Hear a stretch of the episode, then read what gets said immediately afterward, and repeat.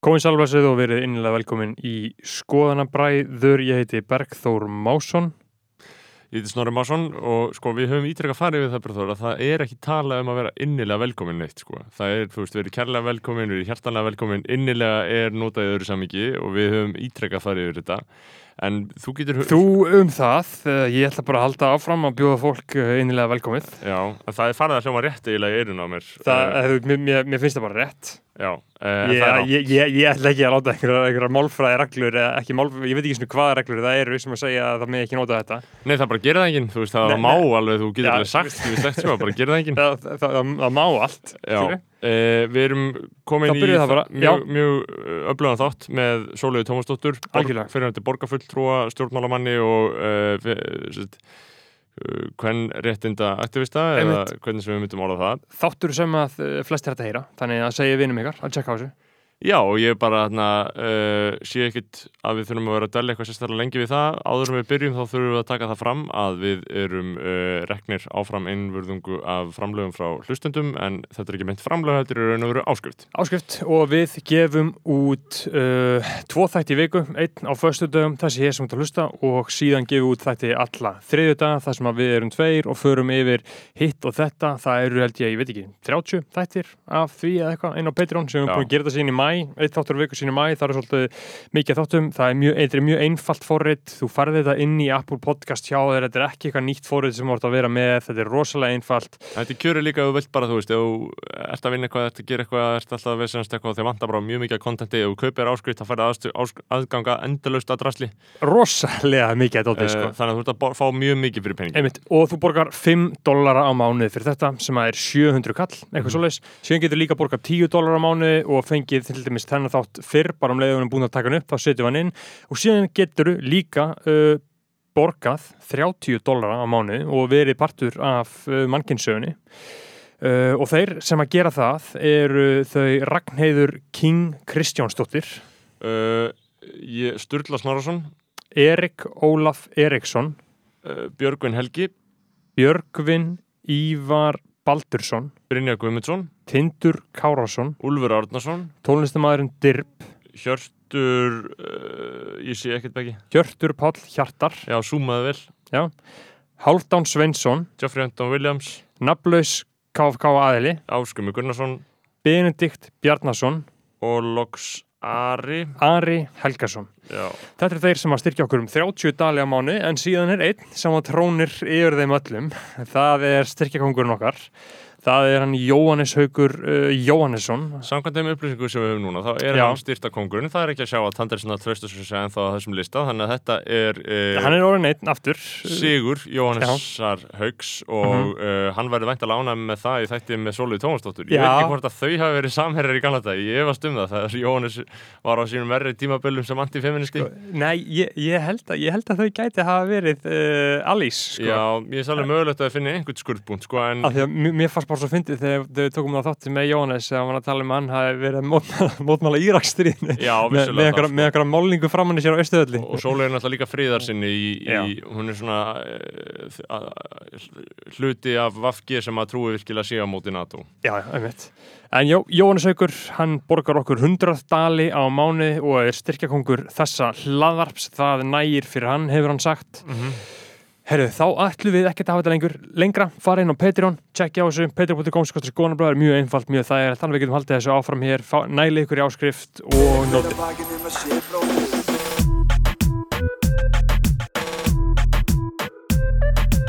Fyrir hver að bakinn um að sé bróður eigi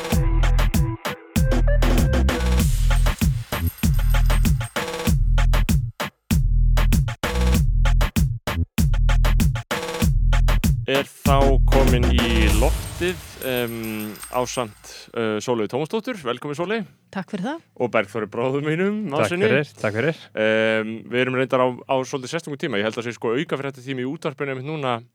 Það sem við verðum að tala um jarðskjálta uh, mm. maður þarf alltaf að byrja því fundiðu skjáltan uh, heldur betur það ekki? Jú, rosalega. Já, þetta er svakalett ég held að segja að koma góðs með skildist það en við segjum ekkert um það uh, Sóli, hvernig þarna, er að vera komin hlaðarp til að tækja karlmanna? Ertu, móti, ertu nokkuð á móti konseptinu eða, ertu fylgjandi þessu? Ég hef náttúrulega, ég þekki ykkur það vel að ég er nokkuð örug. Já, einmitt. Já, einmitt. En, En, en væri svona undir eðlum kringumstæðu kannski. Nei, auðvitað ekki. Nei. Nei. Mm. En mér finnst samt, ég einsinni, fór ég, mér fær ég mjög mörg út á og mjög mörg, alls konar fjölmjöla viðbyrði. Mm Mhm. Einsinni fór ég í vikulokkin og það voru bara konur í settinu Mhm. og ég hugsaði, vá, ætlaði þessi svona sem köllum líðum, líður þegar þeir eru Já. viðtölum. Já. Það var bara- Þetta var, og ég man ennþá eftir þessu eina skipti, þar sem Já. voru bara konur, Já, þetta hefur bara gæst einu sinni hjá þér. einu sinni. Einu sinni. Já. Pælið því. Já, og meðan kallar eru bara alltaf einhvern veginn, það er bara ekkert að því þó að séu bara kallar einhvers staðar, sko. Já. Er það að verða æ sjaldgæfara núna? Er það raunveruleg, eða svona, er það heldur að sé rétt skinnjun að svona kallpunga dæmi sé að verða sjaldgæfara eða er það kannski ekki að verða? Þú veist, þú veist um, að, um að það gerist bara að það séu bara fjórir eða fimm gaurar í einhverju dæmi bara og það sé bara bara gaurar. Veist, er Það, er sjaldgæfara? allavega gert með skömm í dag. Já, ég Já, það er sko, ég man þegar ég var, þú veist, fyrir löngu síðan, þegar ég var bara einhvern svona klikkaus á mokkablokkinu, Mhm. að telja hausa hjá, í Silfri Egils. Ég sett alltaf inn hérna um, tölfræðina í, í Silfri Egils og þá þótti ég algjörlega ruggluð og þetta þótti bara algjört, Já. já, fásinna og ég væri bara einhvern veginn obsessed að kynniðabritti og hvaða máli þetta skipti nú. Mhm. En í dag er Rúf með sitt eigið bókald Akkúrat. og heldur bara utan um það og byrtir reglulega og það þykir algjörlega sjálfsagt af því að auðvitað, þyk, auðvitað skiptir það máli hvernig útvarp allra landsmanna kalla Mhm. er að hérna Já. Er að representera þjóðina sko. Já, já. en, en hérna þannig að það er, fólk er búið að fatta a, að það skiptir máli og b, að það er ekki smart að vera bara með kalla en það gerist samt Já. og þá er alltaf hægt að útskýra það í burtu það er alltaf hægt að segja já en það var nú bara þetta eru sérstakar aðstæður og svo framvegið sko Hvena var þetta? uh, Ár, á, árið hvað? Þegar þetta var bara fullkominn non-issue. kannski svona 2000 og ég veit það ekki, fjögur Mhm. Mhm. það er, já Það, það gerist eitthvað drastíst á einhverjum tímabútu svona 2010 eða eitthvað, 2000, eða svona upp úr því. Nei, ég held að það nefnilega ekki gerst neitt drastist, sko, þetta er, þetta er bara einhver svona þróun sem að Mhm. er, k- koma kannski stundur svona smá kúfar í línuna, Já, en, ga- gagnbylting. Já. Kallana. en það er, þetta er ekki, já, og það ekkert af því sem að hefur breyst er breytt for good. Við þurfum alltaf að vera að passa okkur upp, á, upp á bakslög og, og hérna, Mm. Já, það er kannski viðleitni til þess að koma sér aftur í sama horf. Já, Eh, og líka bara þú veist og það er náttúrulega það sem að sko ástæðan fyrir kynjaminsrétti er ekki að það sé einhver staðar einhver vondur kall sem að ætlar að vera vondur við konur eða að það sé einhver sem að ætlar bara að vera með kalla í útvarsþættinum sínum eða ætlar bara að borga köllum hærra laun heldur en konum heldur er þetta bara eitthvað, ef að við hugsum ekki um þetta ef við erum ekki að spá í kynjabretti þá við Já. já. mér er aðteglisvert sko eh, að hugsa um þetta tímabil þegar fólk var bara að blogga og þegar þetta var töluvert viðkvæmara mál en þetta er núna. Eh, þú veist, þú, varst þarna í eldlínunni á sín tíma og, og va- er þetta ekki bara traumatist að hafa verið þarna á viðvillunum eða þú veist, eh, að því að það var náttúrulega ráðist á fólk fyrir að gera þetta.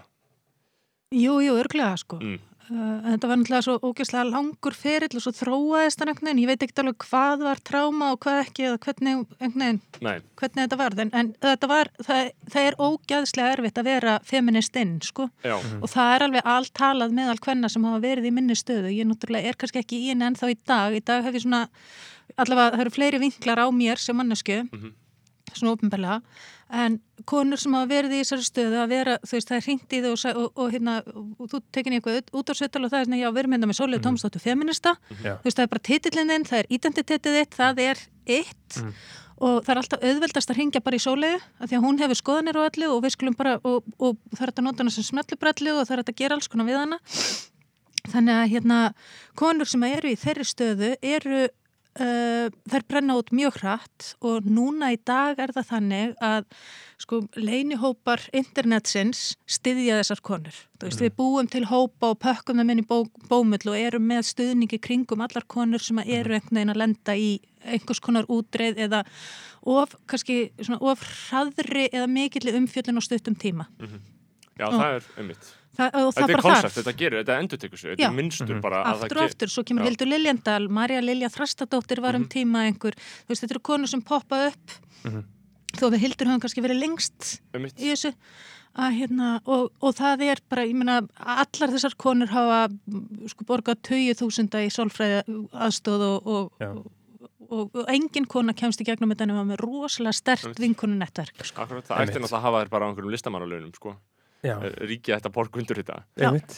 En ég meina hvernig, sko, eins og ég get ímynda mér hvað þetta er ræðilegt og erfitt að þurfa að gera þetta. Já, Að raunverulega standa fyrir eitthvað. Bara svona raunverulega uh, trúa á einhvern málstað og gera allt sem hægt er að gera fyrir hann. Um, þá svona fer, fæða mig til að hugsa, ég meina, hvað uh, hvers vegna, ég meina, hva, hvað radikaliseraði þig? Hvernig, ég meina, hvernig byrjaði þetta? Þú er búin að gera þetta núna bara frá því að uh, ég man eftir mér, ég man eftir þér uh, þannig að það komið fram, við erum- ekki búin að taka það fram að Nei, við erum uh, sískinaböld Við erum að fullkona þríleikinina. Sólei er sýstir Kristínar og Þóru Tómasdóttur sem hafa báðar verið þetta. einmitt, og þá núna, núna þurfum bara að vinni í fá að fá Jón, Palla og Gumma sko. Það, var þetta allt komið sko. Já.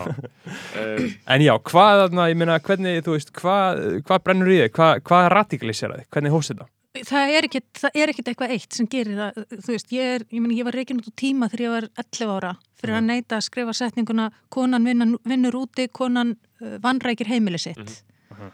Uh, og þú veist, ég, var, ég hef alltaf, það er einhver svona bara intrinsic þörf fyrir ef ég sé, það er svona óhóflegt magna og réttlætiskend Mm. sem að beinist kannski einna helst að kynniðabrétti en líka að, að bara öðrum réttlætismálum svo sem en, en hérna, þetta, þetta hefur bara alltaf verið í mér og ég hef alltaf haft þessa þörf.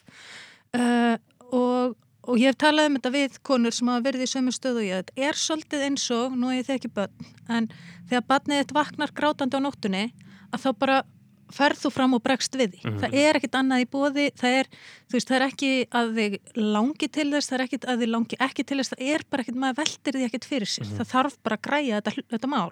Og það er að sama með þetta. Já, Það er bara, ég hef engan, einhvern veginn, um, ég hef, ek- eh, það er ekkert moment þar sem maður veldi fyrir sér bara, ó, þarf ég að, nema, svo náttúrulega gerist það þegar, að þegar ég er búin að vera lengi í þessu, að þá fer ég að fatta að ég get valið og ég get, og ég meina stundum koma mál sem ég hafnaði að tala um. Ég man eftir þegar, við veit ekki hvort þið muni eftir þegar svo ungir, það var hérna aðstofamaður mentamálar á þeirra saði einhvern tímann tussu fínt einhverstaðar eða skrifaði tussu fínt einhverstaðar og var sérst vinstri græn og það verður uppi fótur og fytt og bara ok, má skrifa tussu fínt og hvað þýðir það og má, má hérna aðstofamaður mentamálar á þeirra skrifa þetta orð og, Já. og, og, og, og það var einhvern veginn enginn sem vissi alveg hvað þetta gera og allir voru bara, hvað segir Sólið Tómasdóttir um þetta? og ég segi bara, ég ætla ekki að svara fyrir það. Ég meina, hann getur svaraði sjálfur, Já. hún getur svarað fyrir það, það var það Katrín Jakobsdóttir. Já. þú veist, ég, ég á ekkert að þurfa að svara, en það var einhvern veginn ef ég hefði farið, ef ég hefði sagt að þetta væri í lægi, þá hefði ég verið klikkuð að segja að tussa sé allt í lægi ef ég hefði sagt að það væri ekki lægi, þá væri ég tebra ef að hérna, vilja ekki þetta orðan, orðalag. En einhvern veginn var samt rosalega rík þörf fyrir það að ég segði hver reglan væri um orðið tussufín en hver er reglan? ég, mér bara gæti ekki verið meira saman, þeir verið bara að finna út því sjálfur já, tussu fínt. nú er ég búin að segja þetta ansi oft inn í þessum þætti. Já, akkurat. Já. Sko, um, já, ég, uh, einmitt, mér finnst merkilegt sko að það komi aldrei neini bakþankar endilega um málstæðin, sko, af því því að ég sjálfur er alltaf að reyna að fóta mig í svona veröldinu, maður er að hugsa svona, já, ef maður að hérna, ganga götur allir góðus og svo framvegis, uh, stanslausi bakþankar, sko, uh, en, en svona þegar maður er á vífillunum, eða það er náttúrulega líka ekki svolítið stúpid að vera alltaf að ta- tala í stríslíkingum um þetta, þessa ágættu baráttu, en, en sko, að, að, að þú skulle aldrei hugsa, já, já, núna, þú veist, er, veist, er þetta, að fá yfirleitt, sko, efasendur um að það meiki sens að vera yfirleitt að berjast fyrir einhverju, sko, þú veist, ég fæ það, Já. sko, ég fæ bara, þú veist, mér bara, Ég líka. ég bara, mér, er þetta ekki bara allt banalt, skilur, það, þú, það, það kemur ekki á þér, það kom allan Nei, ekki að það, bara, það kvarlar ekki að mér sko.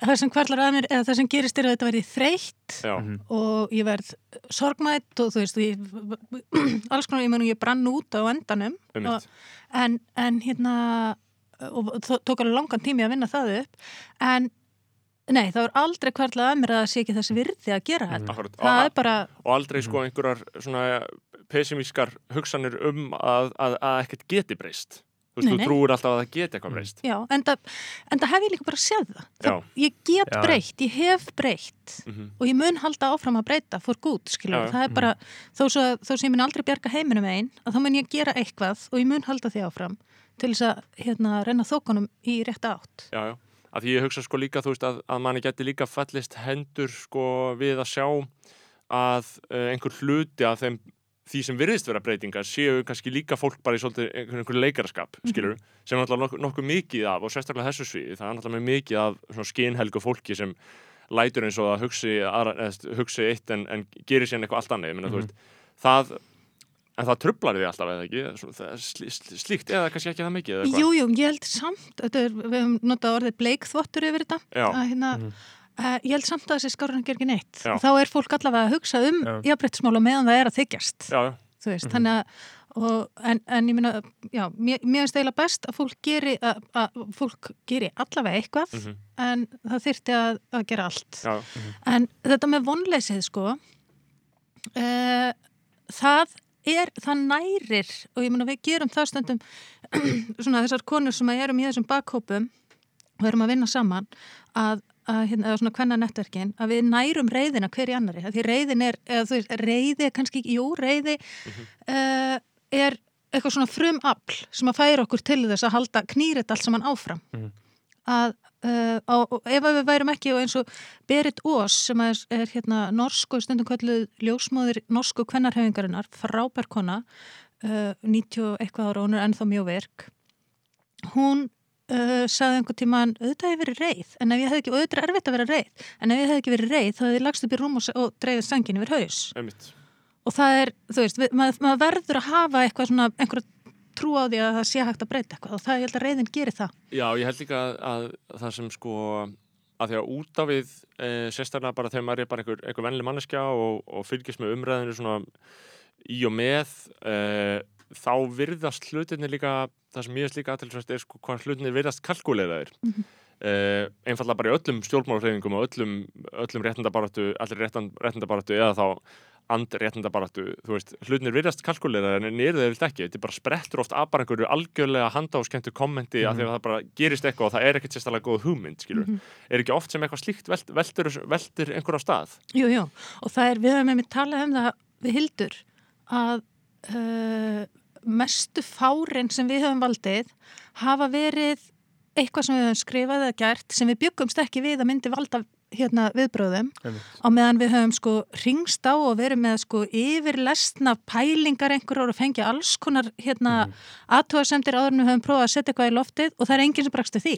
Nei, mitt Að, þannig að það er stundum, það er, það er rosa erfitt að spá fyrir um hvað, hvað það er sem að hefur áhrif og, og það sama náttúrulega líka í hináttina að stundum eru mál sem að mér finnst vera rosalega stór en það gerist ekkert.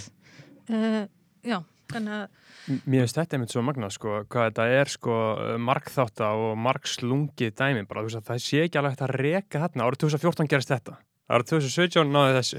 Árið, veist, eh, 95 þá byrjaði þetta þarna að gerast. Þetta sé einhvern veginn bara eitthvað svona flæði af einhverju hér og þar og það fæ mér svolítið til að hugsa sko, uh, ég meina hver er sko, hver, hver er útópían? Af því að, meina, hver væri skilur drauma lausnin og hvernig er hægt að ná henni í samfélagi og bara alheimi sem hefur kúa konur í í 5.000 ár, bara eitthvað frá nýjandrithal tímanum hvernig, þú veist, eh, hvað var er einhverja svona svoleiðis pælingar uppi? Um einhverja útópíu, bara já, eftir 200 ár þá er hérna, þessi hérna veisla uh, í gangi. Ég hugsa að smá svona eins og maður sér í svona, svona climate justice pælingum, sko, að þú veist með því, með sko að leysa loftasvandan þá rettu öllu þessu hérna á leiðinni líka. En ég meina, ég get ekki séð fyrir mér að Joe Biden sé að fara að leiða það, sko. Nei. við þurfum ekki aðeins. Já, sko, það er tventi í þessu. Annars er þetta með að það er engir, engar svona vörður í sögunni, hvenar Mhm. náðu við þessu, hvenar eitthvað. Það er samt til staðar og það eru öll þessi lagalegu réttindi sem við höfum verið að ná í gegnum tíðina. veist, það er kostninguréttu kvenna, það er launajafrétti, það eru mm Mhm. þungunarófslög, það er alls konar eitthvað svona, lagalegt jafrétti.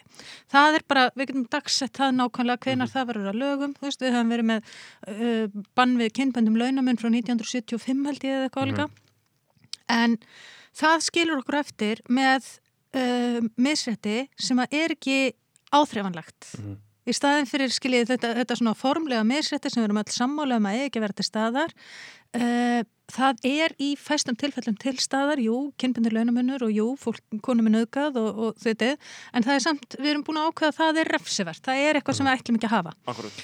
En svo er það hitt að vera einhvern veginn að dissa konur eða vera ekki með konur í, í að konur hafa ekki rödd og konur hafa ekki aðganga fjármáli, fjármagni og konur hafa ekki aðganga stjórnmálum og konur séu hérna gaggrindarharðar og, og allt þetta, hlutgerðar uh, það er ekkert eitthvað það, það, stundum er í lægi að Mhm. segja mikið ertu sæt, stundum er ekki í lægi að segja mikið ertu sæt, Já. stundum er í lægi að segja elskan minn við konu, stundum ekki Mhm. allt þetta sem að er pínu óþrjónlegt og erfitt að fást við uh, það breytist bara með einhver, á einhvern svona óþrjónlegan hátt Mhm. líka, af því þetta er svo snúið, en ég meina í dag eru, og ég sé það svolítið að því ég bý í Hollandi að til dæmis að við horfum á auglýsingar hér Mm. og auglýsingar í Hollandi í Hollandi eru konur ennþá í alvörunni miklu meira hlutgerðar, þær eru þú veit léttklættar sem skraut í auglýsingum ég meina ef það myndi gerast á Íslandi að þá myndum við hildur verða brjálaðar, skilja Já, akkurat. að hérna, og það vill það enginn Nei, ég, ég á mjög sko uh, skýra æsku minningu uh, frá þér að berjast gegn uh, Jónsæði svörtum fötum draumur auglýsingunni.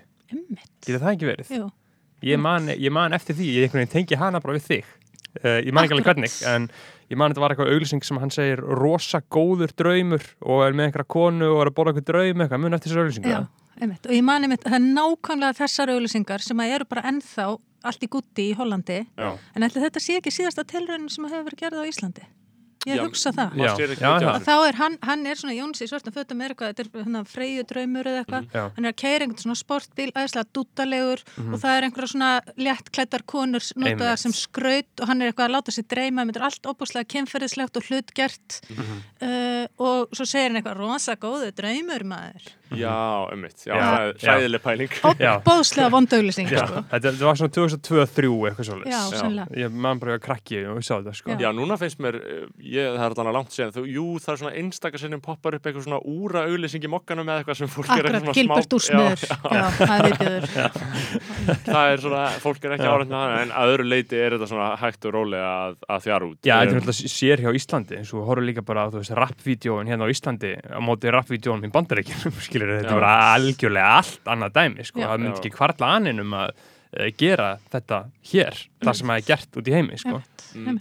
En sko, að því vorum líka að tala um, uh, það vaknar náttúrulega mjög margar spurningar, þetta er aðtilsvöldmál. Við vorum að tala um hérna, uh, þú varst að tala um líka konur í stjórnmálum uh, og að konur fá ekki aðgang að, að valdi þar einfallega. Ekki í sama mæl og kallar og ekki á sama hátt og kallar einhvern veginn.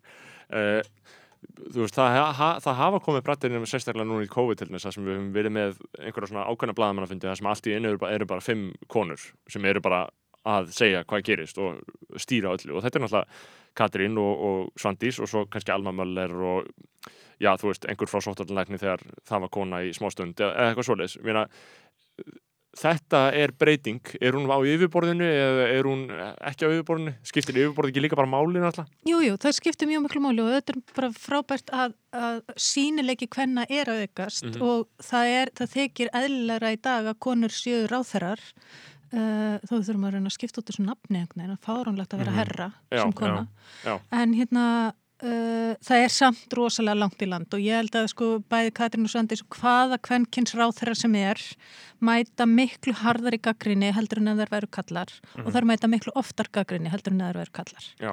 það er einhvern veginn miklu meiri afsökun og það er þetta, þessi að kalla himpati að hérna, það er miklu meiri það, það er allt miklu afsakanlegra sem að karlar gera heldur en sem að konur gera. Ég meina, það hefði engin kona komist upp með að vera á þessari myndu sölu síningu þarna á þóllóksmessu einhvers staðar að, að, að skemmta sér sko. Nei. en En eins og þegar þú segir, þegar þú segir það að, að, að það hefði ekki kona komist upp með það, þú, þú veist, það, er- það er það er þarna, þú veist, að því ég, ég er sammálaður uh, og ég er uh, ánaður með að þú segir það, en þú veist það eru svo margir sem hugsa hvað er hún að segja, ég meina, þú veist, hvernig getur þú fullist þetta? Skilur hvað við, þú veist, Já. ég hugsa að, Twittverjar, eins og gerist með þess að bara Twitter, bara síðast þú tjáðu á Twitter, það gerist alltaf, að koma alltaf bara tíu kallar sem reyna að taka þetta allt í sundur. mm Uh, hvað er með það? Já, sko, um, já og stundum, ég vil nú segja það, síðast þegar ég var á Twitter þá, þá fjekk ég nú bara mjög góðar ábendingar og tók tvítið út. Já, einmitt. Það var bara, og það var bara pínu óvarlega farið hjá mér. Já, Þannig að- já, akkurat, með getur betur dóttir Já. þarna, já. En anywho, uh, það er þannig og ég meina rannsóknir sína það bara og ég get bara fletti upp, þú veist, fólk getur bara googlað það ef það langar. Mm Uh, ég hef ekkert að þurfa að verja það eitthvað frekar. Nei. En konur mæta tíðari gaggrinni og harðari gaggrinni heldur en, konu, heldur en kallar. Konur segja frekar af sér heldur en kallar. Það er bara sínt sig í stjórnmálasögunni. Ég meina konur segja af sér fyrir að nota vittlust kort þegar það er kaupa bleiupakka. Það er bara búinn, farðu. Já. Á meðan kallar geta komist upp með ógæðslega margt. Einmitt. Hanna Beitna og Sigurður Andersen hafa sagt af sér. Já, og ég meina að bara ef við skoðum íslenska stjórnmálusögu þá hafa sannlega fleiri konur sagt af sér heldur en kallar. Og við getum rétt ímyndað okkur hversu margir ráþærar hafa verið konur og hversu margir kallar og hvað allir kallarnir sem hafa verið ráþærar hafa gert af sér anþess að við nokkuð tíma komist í blöðin. Já, En það er stundum sagt að konur, eða ég hef sagt það, ég bjóð til þessa samlíkingu og er ógislega stolt af henni, að konur sem að brjóta glerþögg, þið veitir hvað glerþakkið er, jú, jú bara, En, en þú getur útskýrt það samt. Já, það er, það er stundum talað um glerþakið að það sé eitthvað svona ósynlegt þak sem að hindra það að konur komist í toppstöður. Konur sem að fara í toppstöður þær hafa þá brotið þetta glerþak. Eru Eh, fyrstar til þess að gera það. Já, eða eru, já, fyrstar eða allavega einur að fáum. Mhm. Uh, konur sem að brjóta glerþögg, þær eru að ganga á glerbrotunum í mjög langan tíma á eftir. Mhm. Þær eru einar, þær verða að haga sér samkvæmt kultúr, kultúr kallaveldisinn sem þær eru komnar inn í, en það er samt rosalega rík pressa á þær að reyna að breyta af því að þær eru konur, nú fyrst að það er komin kona hérna og þá skaltu breyta, en ef þú fyrir að breyta þá ertu bara eitthvað, með eitthvað kettlingavæli í, í, hérna, stöðu þar sem þú ætti ekki að vera að spá í konur þú ætti að vera að hérna, vinna vinna þína. Þannig að það er eiginlega alveg ómögulegt að gera réttan hlut í Og hel- þessu. Og heldur þú, ánægis að við getum eitthvað endilega lagt mata það svona utan, heldur þú til þess að Katrín Jakobsdóttir sem fórsættur á þeirra hafi verið að lendi í veseni út af svona atriðum? Þú veist, heldur hún sé að þræða einhvern svona flókin, ein- eitthvað svona einstegu í, þess, í þessu sem þeirra? algjörlega fullkomlega, bara, það, það er bara staðrend Já. hún er að því, Mhm. allar konur í, í þessari stöðu eru að því Já, og það er náttúrulega Svandís, það er virkilega sótt að Svandísi. já, já. Eh, þegar hún er að vinna vel að merkja mjög ágætt starfið að, að ha- halda heilbrískerfunu í svona eðlum skorðum á þess að enga, fara hérna í brjála engaveðingu eins og sumi vilja um, einmitt, já, þetta er aðtilsum mál uh, og í pólitíkinu náttúrulega þú upplýða sjálfa, þú varst náttúrulega í þessum í, í þessu hakjaðan í borginni, hvað varstu, Kjör, tvö kjörtjumbil, þrjú kjörtjumbil ég var tíu ár, hálft, tvö hálft. Já og þú varst þarna þegar allt var algjörlega crazy Já, ég átti alveg, það var mjög fjö, fjölbreytt, hérna, ég fekk mjög fjölbreytta flóru af meirihlutum og minnihlutum og, og alls konar borgarstjórum og, og hérna, og ég var í meirihluta og minnihluta og, og já, mm, alls konar ráðum og nefndum. já, Um, alltaf gaman eða alltaf hræðilegt Stemmingin ekki ræðileg? Er þetta ekki svona allir að allir að rífast og öskra hvort annað? Mm. Nei, sko, jú, jú, ég menna þá komið tímambil sem voru algjörlega skelvileg. Mhm. En uh, það voru að, að jafna þið og þú veist, ef ég horfi tilbaka og segi bara hvað það voru tíu ár, það eru alls konar annað minningar sem að ég bara tryggerast við Mhm. en það eru líka alls konar minningar sem ég, sem ég fæ rosalega mikið kikk út úr en að jafna þið held ég að þetta hafi verið þess virði Mhm. Já. og þetta var ég lærði ógæslega mikið af þessu ég kynntist rosalega mikið af góðu fólki líka rosalega mikið af vondu fólki uh, og ég lærði bara rosalega mikið um mannlega hegðun Mhm. einhvern veginn, bara hvað er það sem að fær fólk til að gera góða hluti og langa til að leggja eitthvað að mörgum? Og þú veist að það er fólk í öllum flokkum sem að fyrir pólitík að því að það langar í alverðinu til að gera samfélagi gott. En það er líka fólk í öllum flokkum sem að langar bara til að fá góða innivinnu já, og er alveg skýt það ekki sama um samfélagið. Já. Hvern, hvað, sérðu munin á því strax eða, á fólkinu? Þegar, Nei, þú- það er nefnilega- þegar þú vinnur með þeim, skilur, skinjar það Nei, stundum nefnilega hefur stundum hefur, já, nei, það hefur alveg komið upp að, að hérna, fólk hefur reynst flagð undir fögur og skinni. Já, Mhm. svona einmitt og öfugt að, að hérna, fólk sem ég dæmdi mjög harkalega fyrst Mhm. reyndist svo bara að vera be- bestu skinn það talaði um, ég, ég heyrði líka einhverju umræðu bara jafnvel í Silfur Egil um helgina um að uh, það væri, þú veist, það væri sjónum með að það væri bara æskilegt að það væri há laun í stjórnmálum, bara einmitt umræðin um þetta uh, að við viljum hafa þannig uh, viljum bara hafa sem hæstlaun þannig að svona kom kompetent fólk rati þarna inn uh, hvað finnst ykkur um það? Æ, ég, ég veit ekki, sko, það er, það er alveg, það eru mjög margar hliðar á þessu máli og ef það væri einhver einföld leið til þess að fá besta fólkiðin á þinga þá væru við búin að finna hana. Einmitt. En þú veist, ég meina, líðræðið er umurlega leið en hún er svo skásta sem við höfum. Já, já, Uh, og það sama með, með hérna, launin, þú veist, launin hafa hlutfalslega verið að lækka eftir því sem að, og á sama tíma hefur konum verið að fjölga, Mhm. hvort sem að það er orsakarsamband eða ekki. Tilviljun, Það ég, veit ég, ég ekki. Valdið hefur verið að færast til, vald færist líka til í samfélaginu Mhm. uh, en ég held að launin séu alls ekki, ekki það eina auðvitað Nei. skiptir það máli að fólk séu á, á, á almennilegum launum en það á ekki bara við stjórn, um stjórnmál, við þurfum líka að hafa gott fólk til þess að ræsta akkurat Einmitt. En, en, en þú sagði uh, að valdi færist til uh, hvað, hvernig gerist það? og hvernig, hvað liggur valdið í borginni? Hvað hva, hva hluti stjórna því hvað gerist? Um, það er misjamt sko, ég meina þetta er borgarstjórn ákveður og býr til stefnu um það, eða sagt mótar stefnuna sem á að fylgja eftir en svo er það embættisfólk sem að, sem að fylgja stefnunni Mhm. og framkvæma það sem að, sem að borgarstjórn tekur ákvarðanir um. En það- Embætisfólk, hvað nákvæmlega er það? Það er fólki sem vinnur hjá borginni sem er ekki kjöri. Það er sem sagt Já. munur á því að vera kjörin fulltrúi, Mhm. vera sem sagt borgarfulltrúi eða sitja í ráðum og nefndum. Mm. Þá ertu á vegum flokkana og hefur verið Mhm. kosin inn. Uh, en ef þú ert ráðininn til þess að vinna bara hjá Já, þú bara veist, á um, mentasviði, já, að þá ertu í, í embætis hlutverki. einmitt, ok. En er það, er það rétt að, að sem svona alls konar fólk segir um borginna að embættisvaldi séu orðið og mikið að, að þetta fólk sé farið að stýra á miklu? Nei, það er alltaf, það er rosalega flókin balans á milli uh, stjórnmálana og, og embætisfólksins og það er mjög auðvelt fyrir ef, ef að stjórnmálafólkið um, ef að stjórnmálafólkið lætur embætisfólkinu eftir eða ef, að erum með sterkan embætismann eða konu og uh, veikan stjórnmálamann að þá getur embætisfólki vel tekið yfir Mhm. en það getur líka verið þannig að stjórnmálafólkið fari að vasast í framkvæmdini og það á alls ekki gerast heldur þá erum við bara komið svolítið svona fasíst uh, umhverfi sko. Já, akkurat. Því, já, Ah. já, og, svo, og svo er náttúrulega sérstaklega umræða þarna um alls konar átök beinlinu sem milli stjórnmálfólks og embættisfólk, bara eins Já, og já. veit- veitis rauks og svona, Já, já, sem Ah, bara virðist og- vera algjör martröð, Og sko. það er einmitt mjög gott dæmi þar sem að hún fer mjög mikinn og tekur bara út bæ, bæ- bæði fyrir hún að vasast í starfsmannamálum bara beint ofan í starfsmannamál sem að stjórnmálafólk á alls ekki gera og svo bara útrópar hún það starfsfólk sem að henni lindir ekki við eða líkar ekki við eða Mhm. finnst hafa gert eitthvað ránt um, og það er ein- af reglunum sem að eru og við eigum öll að vita sem að erum í stjórnmálum eða höfum verið í stjórnmálum að við getum talað, við höfum rödd, við mögum segja allt sem okkur finnst.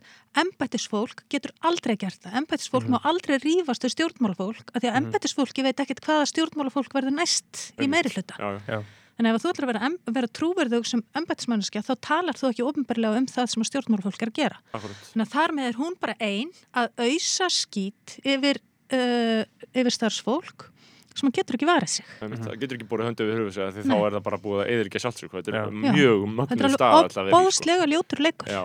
Um, við vorum líka að tala um sko að því að meðfram því sem laun lækka þá einhvern veginn rata fleiri konur inn í þetta, vorum við ekki að tala um eh, ég veit ekki hvað samikið sögðu það en veist það er alltaf tilneying uh, og maður veit aldrei hvort kemur á undan henni en ekki en þetta er svona einhvern veginn samhliða þróun. Uh, ég var að lesa bara eitthvað í blæðinu jafnvel bara frá einhverjum mjög aðna vafasum heimildum en heimildin stendur samt að uh, 90% kennara séu konur. Ég veit ekki hversu hlut, hvernig hlut þetta liggur en, en þú varst alltaf skóla og frístundasvið um uh, stráka í skólakerfinu sem er endalaus og uh, margir, einmitt feminista líka benda á að þetta er ekki svona svart og hvít og sko við eigum ekki að vera einblína á að vandi að vanda strákana í skólakerfinu eins og hans sé einhvað sérstakur, ég meina hvað hver eru þín sjónum með þarna, hvað eru eru strákar einhvern veginn raunverulega út undan í skólakerfinu, er það alveg vandamál? Sko, það er ekki, nei, ég myndi, ég myndi aldrei orða þannig að strákar séu vandamál í skólakerfinu.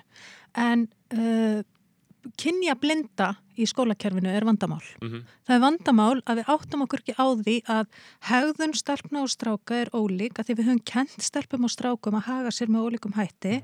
Uh, viðbröð við vanlíðan eða það hvernig við byrtingamindir einhvers konar vandamála eða vanlíðunar komast, brjótast út með mjög ólíkum hætti og, og um þetta er bara ekki nóg mikil meðvitund eða skilningur þannig að við bregðumst ekki við með þessu. Það eina sem við gerum er að við, bregðumst við því að strákanir haga sér illa og við látum þá ekkert endilega vera eitthvað að lesa mikið að því boys will be boys, Já. þeir eru bara eins og þeir eru Já. í staðin fyrir að setja spurningamerki við þetta og leifa þess ekki að gerast að leifa því ekki að gerast að skadlega kallmennskan taki, hérna, taki strákan okkar þessi litlu strákar sem eru bara eiga það, eiga það ekki skilið Mhm. Og gerir þá að boys will be boys típum Já. og þeir þurfi ekki að kunna lesa þeir fá hvort þið er há laun og svo framvegis og það var skjálti Vá, Það er- risastór vá, skjálfti. þetta er alvöru skjálti maður Já. ég held að það hljótar að koma gós maður Já, það held ég nefnilega líka. Svakalegt. Já. Vá, þetta var Þetta helgjana var skjálti. Já. alvöru skjálti sko Púff Gott að hafa þetta Já, já, betri í skóla einmitt. mér finnst það gaman Einmitt. Þetta er Já. skemmtilegt Eh, Já, nema, já, það sem já. ég ætla að segja sem sagt, er að, að hérna, nú man ég ekki hvar ég var, en já, um að, að sem sagt, við erum að, skadlega kallmennska hefst strax þarna, að Já. leifa strákum að vera tossar, að það sé bara töff að þurfa ekki að læra og vera bara, og vera með ærsl og læti og, og trublanir og allt þetta sem gerir það verkum að strákar fá miklu meira hérna, miklu meira aðtegli í skólastofunni já, en ekki nægilega mikil, þú veist, en ekki stuðningin sem þeir þurfa. Á móti kemur að stelpur, kvíði stelpna er sko tvöfaldur á við kvíða stráka, þunglindi stelpna er tvöfald á við, við þunglindi stráka en það er, það er bara búið að kenna þeim að ha- halda sér til hljés, vera ekki að krefjast einhvers og byrtingamyndin er allt önnur og meðan þær trubli ekki í skólastofunni þá skiptir það einhver máli. einmitt. Þannig að þær eru bara eitthvað að, að bugast úr anoreksi og kvíða og einhverjum alls konar hérna, vandamálum sem eru kvenleg og skadleg kven, kvenmennska í rauninni, kvenlegni og skólakerfið gerir ekki neitt. Nema að alltaf með, þú veist, á tekjarfresti þá er haldið einn ráðstefna um stöðu drengja í skólakerfinu og alvarleiki, stu, alvarleiki þess að strákar, datara, þetta, þetta er svo ofbúslega einfölduð sín Já. á vandamál sem er svo miklu dýbra og flóknara heldur en þetta uh, og, og svo, já, að, að það er einhvern veginn, við höfum svo ofbúslega langt í land. Já, já, að, að því að ég, mér finnst- svona risavaksin vandi líka, sko. Já, Já. þetta er einmitt það sem maður heyrir alltaf þetta sé bara vandamál á strákunum ég, ég, ég vissi ekki að stelpur væri kvínari og þunglindari Miklu Jú, kvínari, ég- miklu ég- Það þunglindari. er allir í hakki, sko. ég, ég haldið að þetta væri algjörlega öfugt sko. en það er En- það sem að, svo er það líka að sko rétturinn til jafnréttis er ekki, er ekki svo sami. Nei, Að ef það hallar á stráka einhver staðar, að þá verður það stórkoslegu vandamáli. Já, reddi en, st já, en stelpur geta bara verið einhvern veginn að díla við nöðgannina sínar í friði og bara verið ekkert að kvarti við því. sko, uh, skólakerfi líka, þegar við vorum að tala um líka kennarana, þú veist, kennararnir eru allir konur, ég er búin að fara, ferðast, ferðast um all land og fara í alls konar skóla og ég hitti eiginlega bara konur, það er mjög mikil indoteknika, ég hitti Karl. Uh, og þetta er náttúrulega anekdotal gögn, ég menna ég held að bara tölfræðin sýnir miklu betur hvað kennararnar eru miklu oftar konur. Uh, þú veist, við, viljum við breyta því, er það bara fínt, er það ekki fínt, hvað þarf að gera alltaf að breyta því, er æskilegt að séu svona einhverjir allt í lagi karlar sem þarna líka, skilur þú veist, hvað hva, hva finnst ykkur það? Ég, ég veit ekki hvað væri réttast í því, sko. Já, ég held að það væri bara mjög gott ef það væri sem allra kynja blandaðast í öllum starfstjættum. Mm. að þú veist bara það er það bara sýnir sig ef að við erum með góða menningu þar sem að fjölbreytilegi fær að njóta sín að þá og erum með fjölbreytan starfsóp að þá kemur meira út úr því alveg sama hvað er verið að fástu, hvað sem það er kennsla eða, eða tölvunafræði, skiljið, eða útvástáttur uh, en bara ef að, ef að ólíkar rattir og ólík reynsla kemur saman að þá verður eitthvað betra. Já, já. en uh, það að það að konur séu meiri hluta kennara er ekki, vanda, er ekki það sem að skapar vanda drengja. Nei, og það er ekki heldur það sem skapar kvíða stúlna. Það er bara, þetta, er allt samhangandi, eitt stórt vandamál að, að mentakerfið er ekki, það, við erum bara hluti af feðraveld, fe, hérna, samfélagi. Þar sem að hitt karlæga og hitt kvenlega eru bara ójöfn að jafna því og uh, fólk leitar í ákveðna stjættir, stelpum er kent að þær eiga að vera umhyggjusamar, þær eru samviskusamar, þær eru góðir, góðar ja, að læra og þar á leiðandi fara þær í að kenna öðrum að meðan dútarnir eru bara eitthvað að dútast Já, já. að því þeir þurfa hvort þeir ekki að, og, og kunni ekki að lesa Nei, einmitt. og samfélaginu finnst það bara frábært Já, einmitt. Uh, það er meira þess að tala bara svona mjög svona hressilega um það síðan í viðtölum að þeir hafa ekkert nefnt skólanum og, og uh, þú veist, hafa ekkert þurft þetta Já, já, rugl, sko. að, að mentakerfi var ekki fyrir mig svona já, jákvætt sko, Einmitt. Já. samt að jákvæðan átt sko Einmitt. Já, Vætti ég- náttúrulega ekki vera hannig, Nei, nei. ekki á Um, neitt hátt þótt sér eitthvað brjálaða listamæður þá áttu samt að geta fundið þinn farveg Já. þarna Nei, ég held samt að margir geti það ekki. Ég held að það sé bara þannig. eh, Margir bara komast ekki fyrir í skólakerfinu. Ég bara bæði strákar og stelpunum alltaf. En, Algjörlega, en þá þarf bara skólakerfið að vera, vera móttækilegra fyrir fjölbreytileika Mhm. nemenda já, uh, en ekki bara fyrir því að strákar eða að vera strákar mm, Mhm. einmitt. Um, að því að meira þess að að því að á svona, á, á þessum nótum þá eru þarna ser maður allt í hennu jafnbrettisrættir koma úr alls konar skrítum áttum þegar það er að tala um dreng, stöðu drengja í skólakerfinu. Þá fara miðflokksmenn bara að halda ræður í, Mhm. mm á alþingi um þetta og það er náttúrulega bara uh, alltaf mjög skemmtilegt að, að sjá þann kontrast allt í hennu koma upp. Uh, Þú ert Sólei uh, í atna, safni Sigmunda Davíðs nýlu um Ibbana Uh, sem ég greindi frá mbs.is uh, og ég, við erum náttúrulega ennþá að býja eftir að fá Sigmund Davíð inn í þáttinn uh, til þess að koma, Nei, ég held að við séum ekkert að vera að gera það sko. koma sínum sjónum með maður framfæri. Ég veit ekki, þetta er ekki alveg hvort við munum, gera það. Nei, en, en þú veist, ef við horfum horfum við sviðið í, íslensku stjórnmálum ánvegs að þú sett kannski endilega þáttakandi leng lengur nákvæmlega á því sviði. En ég meina, hvað finnst þér svona mesta vandamáli í íslensku stjórnmálum, talandi um miðflokkin ánvegs að það sé endilega miðflokkin, hvað finnst þér? Hvað meinar hérna, e, það er ég hef mjög miklar áhyggjur af uppgangi hægri populisma eða bara, ég, og ég hef kallað það fram til þessa en auðvitað er það í rauninni bara fasíska öll sem er að reyna að reyða sér til rúms hérna á Íslandi. Mm -hmm. og við sjáum bara hvað hefur gerst í heiminum uh, að við sjáum bara hvernig, hvernig fór, hvernig, hva, hvað gerðist varðandi Trump og við sjáum hvað er að gerast hinum megin við, við hafið þar sem að bara í Hollandi þar sem að ég er þar eru komin tveir svona fasískir eða flokkar með fasíska tendensa. Uh, og bara njóta meiri vinsalda heldur en ég hefði kosið. Uh, og eru náttúrulega víða í Austur-Európu og, og út um allt. og risastort í Þýskalandi líka. Já, mm -hmm. uh, hérna það sem að og Svíþjóð. Mm -hmm. um, en það sem að hérna er, það sem að ég hef áhyggjur af í íslensku samfélagi er að við erum ekki að taka því alvarlega að það sé verið að, að riðja þessa braut hér mm -hmm. Uh, og það er, við erum svolítið á sama stað og við vorum kannski 2015 í bandaríkja, bandaríkja fólk var 2015 uh, þegar allir held að Trump væri bara einhver klikkaus og það myndi enginn kjósa uh, hér er við með, svo ég segi það bara reynd út Sigmund Davíð og Vigdísi Högstóttur mm. sem að fólk hefur tendens til þess að um, einhvern veginn afgreða sem klikkaus á það, taki enginn mark á þeim. Mm -hmm. En það sem þau eru að gera er að þau eru að grafa undan liðræðinu og þau eru að grafa undir embættismannakerfinu sem við tölum um áðan. Mm -hmm. Þau eru að grafa undan trösti fólks á stopnunum samfélagsins og eru að búa til einhvers konar stemningu fyrir því að þau séu svarið fyrir -hmm. almúan. Allir aðrir eru vondir.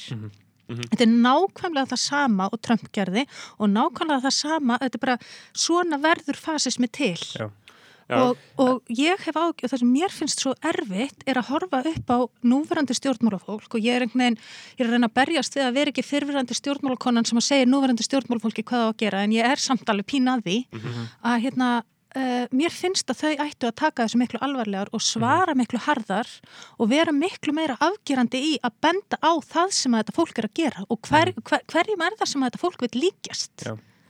Að því að þetta er náttúrulega eins og gerast í bandrækjum, það sprettur allt upp úr bara fátækt og volæði og bara eimt um, fólksins. Já, það verður að höfða til, verður að höfða til fólk sem hefur það helviti skýtt. Og Trump lauga þeim að hann ætla að gera þetta fyrir þau og allt Já. svona og sem að uh, segjum við Davíð og Vigdís geti þá verið að gera núna og þá er það ekki bara rosalega mikilvægt ymmit að, uh, að það er fólk á Íslandi sem hefur það mjög slæmt, það er fátækt hérna og allt sem að fylgi því. Já, er þá ekki bara rosalega mikilvægt einmitt að sósælista flokkurinn ná þeim en ekki miðflokkurinn Jú, jú, ég, meni, ég held að það sé líka bara rosalega mikilvægt að taka þessa umræðu og að, að reyna að hafa sem upplýstasta umræðu um það að það er engin patentlöst við mm -hmm. missettinu í, í samfélaginu. Það er engin einn stjórnmálamanneski eða stjórnmálaflokkur mm -hmm. sem er að fara að gera einhverjar drastiskar breytingar þannig að fólk sem að býr við ömurlega raðstæður búi allt í hennu við frábæra raðstæður. Mm -hmm.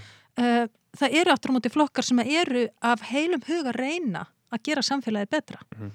Og ég minna og það geta verið ólíka leiðir að því þú veist meira segja sjálfstæðisflokkurinn sem ég nú eiginlega enga trú á hann telur sig verið að vinna að hag fólksinn skiljiði á meðan ég bara get ekki alveg séð að miðflokkurinn sé einhvern veginn í alverðinu með eitthvað svar fyrir fólki í landinu hann er mm -hmm. miklu meira að hugsa um eigin völd og stefna að einhvers konar yfirráðu mm -hmm.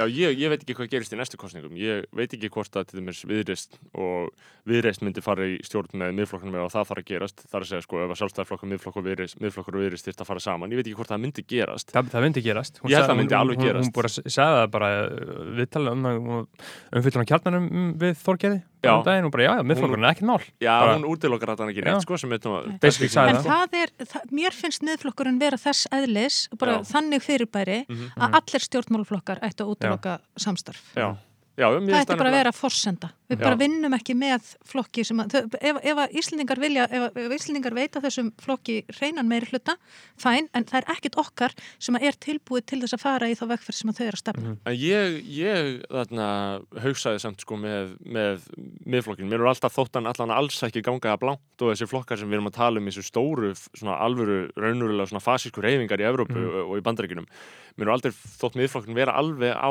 því stíi en, en ég veit ekki hvort að það sé bara einhver, einhver nævismi ímanni að trúa að það get ekki farið þangu ég, að því að mér finnst þau vera að tala um veist, þau eru að tala um orkumál þau tala gegn innflytjendum um, þau tala já, um hvað tala miðflokkurinn eða, ég veit það Jú, ekki þau tala gegn þungunarofi, þau Já. tala gegn transbörnum, þau Já. tala gegn intersexbörnum, þau tala gegn Já. grundvallar mannréttindum Já. fólks og það er akkurat þannig og það er Mhm. nefnilega einmitt þessi næfismi sem að auðvitað, þú veist, við viljum ekki að fólk sé vond, við Já. viljum ekki stimpla fólk vond, Mhm. en sorry, Snorri, Já. þetta er ekki, Mhm. þe- þetta er bara nákvæmlega sama, sama hugmyndafræðin, þau eru bara ekki komin jafnlangt, þau eiga eftir Akkurat. að fara þangað ef þau fá vægi til þess að gera það. En, en held, heldur að Sigmundur sé að stúdera bara Viktor Orbán og lög og reglu og einhverja nínasista í Svíþjóð veist, er hann er hann meðvitaður um, Hva, hvað haldið þið? Haldið þið að sé það dífjus Já, og sjúkur á því sko. að hann sé meðvitaður um að akkur á þetta sé eða er trúir hann líginni sem hann segir ofinberlega að hann sé ekki almeðlaði eða er þetta bara raunverulega uh, gert hjá honum til þess að komast til valda og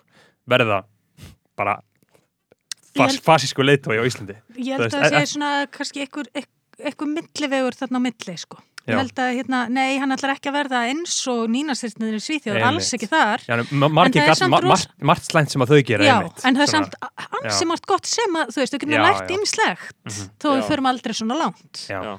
Og það er alltaf þetta svona við verðum samt að geta tekið um við verðum samt að geta rætt við verðum að geta rætt við verðum að geta rætt ég, þegar fólk segir að við verðum að geta rætt eitthvað þá er það yfirleitt slemt er Ég hef nefnilega stundum verið að spá í það, að, að, það, það er nákvæmlega þetta sama fólk sem að skilur ekkert í það okkur og ég er alltaf að ræða okkur á hluti. já, Mhm. einmitt Að, og þú veist, hvort að ég ætti að taka þess að við verðum bara að geta rætt um vendi. Mhm. Við verðum bara að geta rætt um uh, kynferðsofildi gegn konum. já, akkurat þú þurftir að byrja að tala svona bara, Mhm. Bara, uh, Já. svo.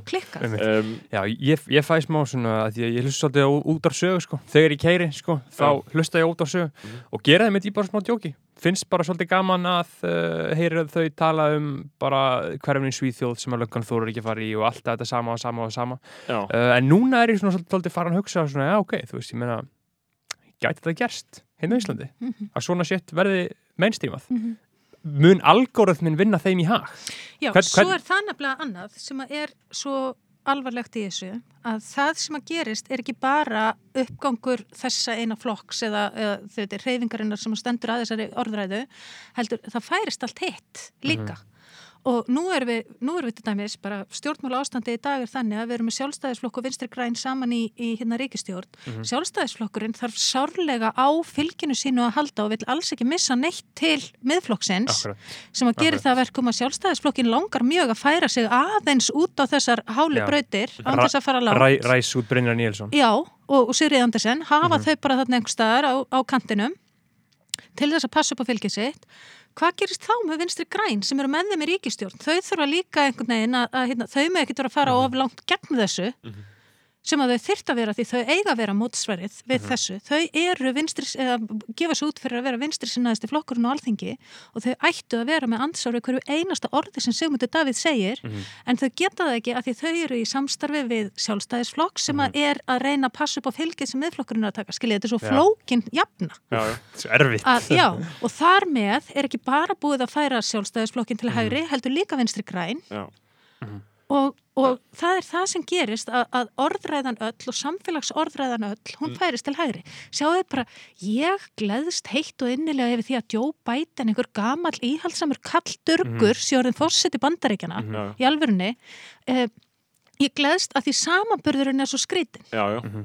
En ég meina þessi maður er ekki, hann er ekki framfara sinnaður, hann er ekki, það er ekkert spott, það er ekkert, ekkert spútnik í þessu manni. Nei, nei, alveg, alveg svona með mjög óspennandi fórseti, sko Óbáslega. um, og, En það, og þar með er búið, að- er búið að færa mín mörg. Já, Einmitt. akkurat Ég held líka að, að þetta gerist líka sko í svona uh, ákveðnu samspili bæða milli svona stóra samstefistjórna þess að við erum hérna á Íslandi uh, og síðan er öfgaflokkurinn sem hann nærist á samstefistjórn sko. Mhm. það er alveg frábært fyrir einmitt, mm. einhvern sem er að segjast vera á móti kerfinu að segja bara þetta eru þau öll sko, þú veist, og þetta gerist líka í Þískalandi þau eru sko með 3-10% á sum svæðum sko, Mhm. AFD sem er sko miklu, miklu, miklu lengra til hægri en Sigmundi Davíð allan að virðist vera í að- og það er rimmitt, sko, þar eru við með bara stóra hægri flokkin og stóra vinstri flokkin eða að bara sósaldemokata og, og svona sjálfstæðarflokk þeirra þjóðverða, Mhm. þau eru saman og það er þarna sem bara þeir geta ráði bara hakkast í þeim, sko um, og þetta gæti náttúrulega, ef við sérstaklega ef við höldum áfram með svona samstæpustjórninu á Íslandi, ef við fáum aðra svona stjórn, þá getur það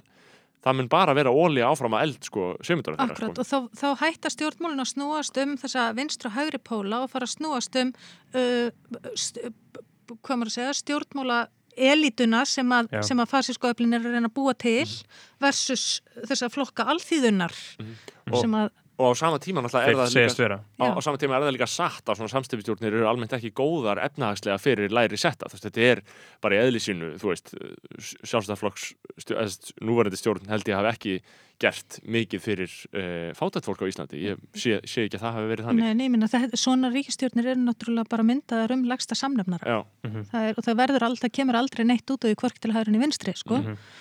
um, en kerfið er mögulega varið já, að einhverju leiti en svona að því að þú hefur reynslu af því að vera í sjálfum stjórnmálunum uh, og varst náttúrulega í, sjálfur, í borginni og það eru náttúrulega alls konar réttlætismál uh, á endanum varstu fórseti borgarstjórnar, ég í hvað, heilt kjörn, nei, þá er maður bara eitt, eitt árið ekki, er ekki kosið þannig einhvern veginn? Nei, það var, ég var, þetta síðasta kjörtímabil sem ég var en ég hætti á miður kjörtímabil en ég var í tvö hóllt ár. Já, einmitt. Um, uh, sko, hvernig er það að taka þessar ákvarðanir? Því ég hugsa oft sko bara fyrir sjálf með, við þurfum að taka raunverulega ákvarðanir sem hefur raunverulega áhrif á lífólks, er þetta ekkit kvíðavaldandi?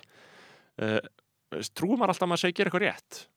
Þú veist, heldur að Ka- Katrín Jakobsdóttir, án sem við höldum áfram að reyna að sjá inn í huga hennar, heldur að hún sé að hugsa bara, veist, er, hef bara hefur verið að skemma landi þetta síðustu fjör ár, skilur, færi maður þær hugsanir?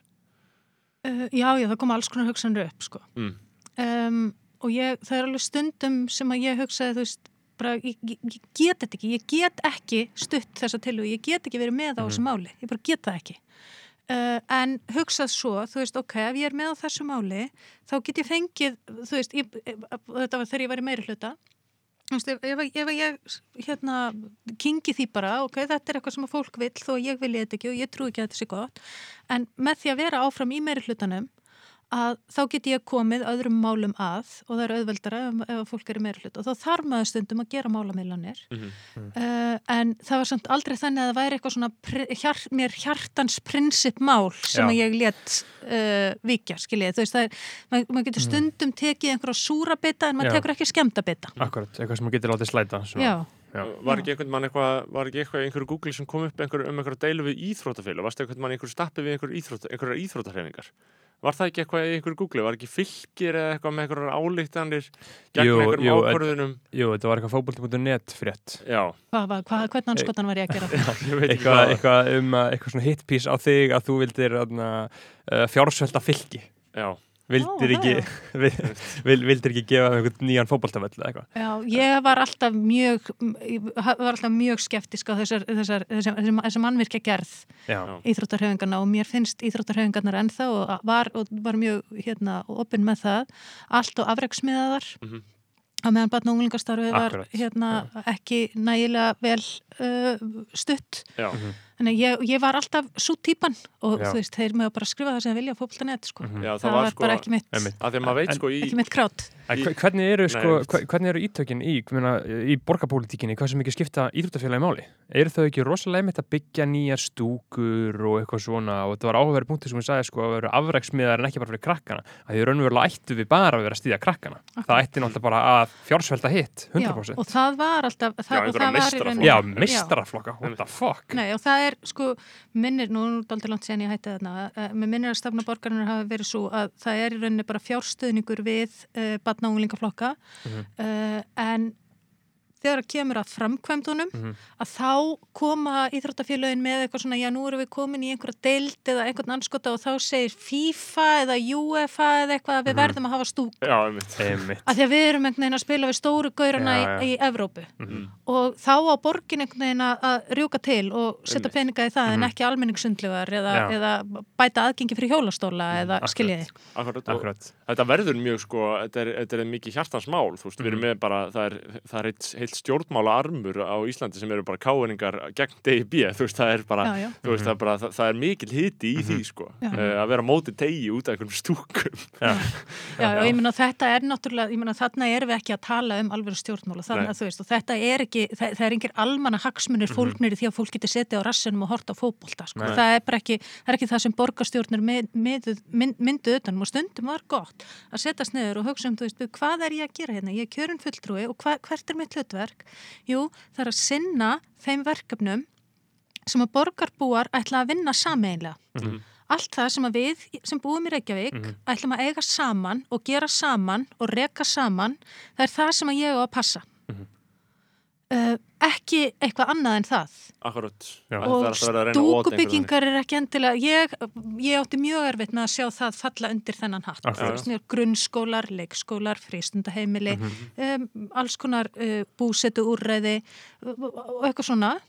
Vegamannvirki, þau veitir. Passa upp á konar. innviðir samfélagsins séu í lægi já, en stúkur eru bara ekki innviðir fyrir mér nei. Og líka í umræðinu um, til dæmis bara eins og einhver svona gamebo- hvað heitir stólarnir hérna sem að Le Lazy boy. nei, hérna gamerstólar Já. skiljið, Mhm. þú veist, mér er alveg sama hvernig þér líður þegar að horfa á fótbolta Já, sorry, já, Já. ég er sammálaður það, það er bótt- bóttið einhver svona fó, fótbolta uh, stuðningsmenn að- sem er svolítið reyðir að heyra þetta en ég meina við bara, þú veist já, ég er líka geta, þú veist, þeir, þeir með alveg vera ósamála mér Já. og ég hef ekkert um það að segja hvort, að hvar þeir sitja ég er. Bara, ég er bara einhver konund í bæ. Já, Mhm. uh, Já, og að því við erum rétt. að við erum að tala um innviðina sko, þú veist, þá erum við með uh, mikilvæga innviði á vegum borgarinnar til dæmis leikskóla og svo framvegis.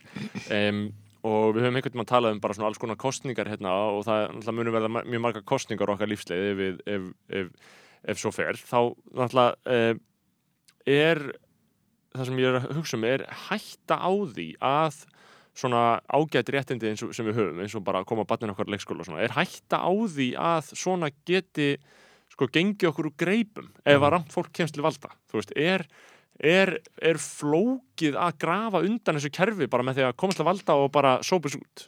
Þú veist, hvernig eru stóðirnar Nei, ég sko, það sem að, að mínum að þetta er bara frá þeirri hugmyndafræði sem ég aðhyllist um það hvernig við höfum að reyka samfélag að þá held ég að það hættulegast að varandi leikskólana sé að þeir verði engavætir Mhm. Að þú veist og þá hættu við að reyka þetta saman þá hættur þetta að vera eitthvað sem við eigum öll saman og höfum öll jafnan aðgangað og verður að einhverju sem að er háð uh, einhverjum hérna markaðslögmálum. Og, hérna, og ég tel það alls ekki eiga heima í rekstri leikskólum, ég bara mjög mikilvægt að öll börn hafi jafnan aðgangað leikskólum, myndi helst vilja sjá það á gjald frjálsa, bara þess lengi fyrir því. Um, en uh, og ég held að það, sé, það, það gæti mjög auðveldlega gerst. Ef við fáum minn einhver ultra hægri Já. uh, sem að reka borgina að þau fari að enga veiða leikskólana í, í eh, ríkari mæli og það þýðir að því að við erum með hverfi skipta borg þar sem að fólk er mjög misvel efnað og í mjög misgóðum aðstæðum að uh, þeir verða mjög misstýrir og það mun, það mun íkja enn skiptinguna hérna, hvað er þetta klassa Er stjættskiptinguna í borginni. Já. uh, ef, að, ef að slikt fyrir að gerast og þá verða einhvern veginn góður leikskólanir fyrir Já. ríkubötnin og vondur leikskólanir fyrir fátökubötnin Já. Já, og, Eh, vond, og fyrir fátakabötni verða mynd vondi leikskólar og þá verða þau ekki að vel mentuð og verða fátakari og þetta heldur áfram, og áfram, það áfram. eykst- Já, það, það, og þá fer vítarhingurinn af stað og það er alveg nógu mikil stjættskipting það er alveg nógu, nógu slæmur vítarhingur sem við þurfum að rjúfa án þess að við að. Ég held líka sko að uh, í þessum uh, pælingum að þegar stundum við talaðum bara talaðum þetta ingöngu út frá einhverjum sko einhverjum pedagógiskum gæðum sem er hægt að ná fram, þú veist og að ég er ekkert í vafa um það að þú ættir einhvern engaskóla allir getur bara borga marga miljónur á mánuði fyrir að vera barnisettana, þá væru gæðin og græjutnar á eitthvað svona örgla sæmileg, þú veist ég er ekkert að, ég er ekkert það efast enginn um það, en það sem ég held líka að sé sjónum með þessu er að það er gott í sjálfu sér að við eigum eitthvað öll saman vegna þess að þá viljum við bara öll að sé gott þú veist, þannig að ef að ríka fólki hættir að eiga hlut í sérst, almenna kerfinu Mhm. þá verður því enn meira drullu saman þá verður það bara verra og verra og verra Já. ég held að það sé líka mjög hættulegt í þessu sko. Já. en, og það er náttúrulega það sem að gerist þegar við skoðum bara heilbreyðiskerfið í bandarækjunum Mhm. að, Já. þú veist, ég meina almenningsspítalar eru bara opbáslega lítið góðir já, Mhm. að því að það er öllum saman um það.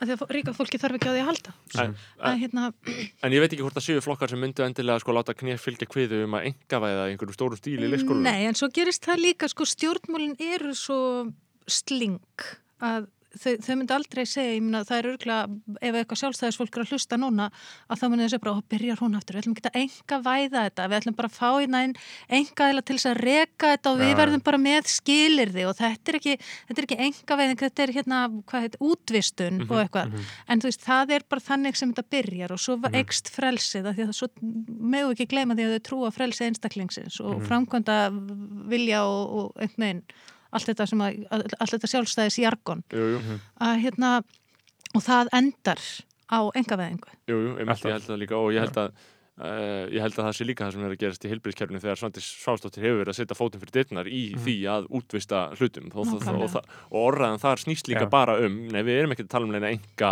væðingu við erum bara að tala um að fá að reka þetta en það hlýtur alltaf að vera fyrsta skrifið sko. Já. ég hef hundra sinnum tekið þessar umræður við, við sjálfstæðisfólk í borginni. Ég, ég veit ekki hversu oft við komum með tillögur um að auka engarekstur í, í leikskólum og engarekstur í skólum og fá fjölbreyttari skóla inn í borgarkerfið og svo framvegis að hérna En, en ég meina, hvað er það? Af hverju vilja þau þetta? Ég er svona raunverulega að hugsa það. Ég meina, vilja þau það að þau allir verða fátækir og þau verði ríkari eins og við viljum allir vera jafnir? Nei, hvað þau- er það í þeim? Nei, er, bara, er þetta bara eitthvað trúabröð? Já, þau, þau trúa því í alvörunni að uh, það fólk sem ekki velur að borga þetta, Mhm. það hafi það samt gott. Einmitt. Og trúa á trickle down economics.